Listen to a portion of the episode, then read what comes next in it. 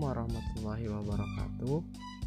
Kembali lagi dalam podcast saya di mana kali ini saya akan menanggapi dari hasil pemaparan kelompok 19.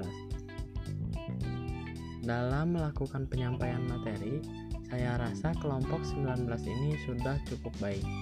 Namun sedikit catatan eh, saya rasa ada sedikit kekurangan.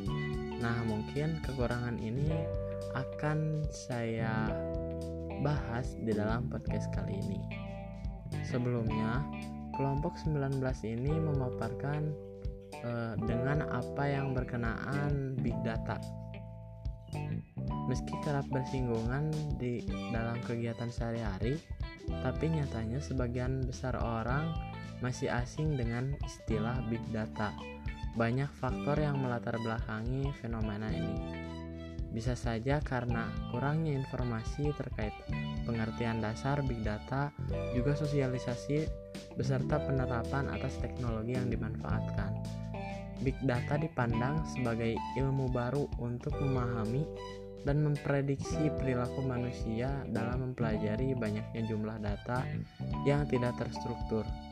Big data juga dikenal sebagai analisis prediktif atau analisis yang memberikan hasil perkiraan tentang suatu yang besar kemungkinan terjadi di waktu yang akan datang. Harus kita akui bahwa implementasi dari big data dapat mengubah cara pengambilan keputusan di berbagai bidang kehidupan termasuk di ruang lingkup pendidikan. Big data menjadi suatu aset bagi sekolah atau institusi pendidikan karena bantu dalam keperluan administrasi serta mendukung pengajar dan siswa sendiri dalam kegiatan belajar mengajar.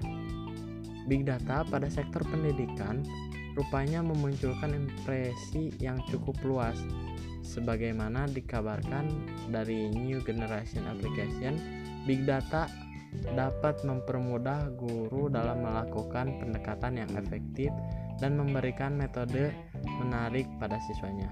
Teknologi big data mendorong para pihak di sektor pendidikan beralih dari sistem konvensional ke sistem modern. Nah, pernyataan yang saya ungkapkan tadi selaras dengan apa yang dipaparkan oleh kelompok 19.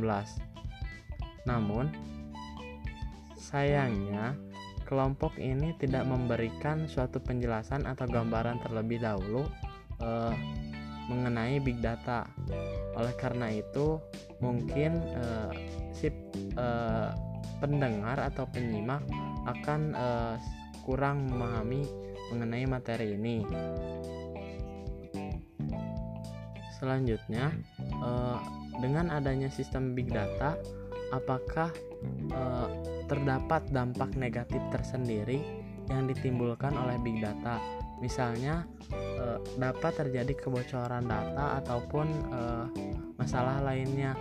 Uh, selanjutnya, tolong dijelaskan mengenai faktor yang bisa menjadi penyebab hal tersebut dapat terjadi. Mungkin dalam podcast kali ini dicukupkan. Kita bertemu lagi di, di podcast selanjutnya. Tetap semangat, tetap jaga kesehatan. Saya Ramdan Darmawan dengan NIM 1902348. Wassalamualaikum warahmatullahi wabarakatuh.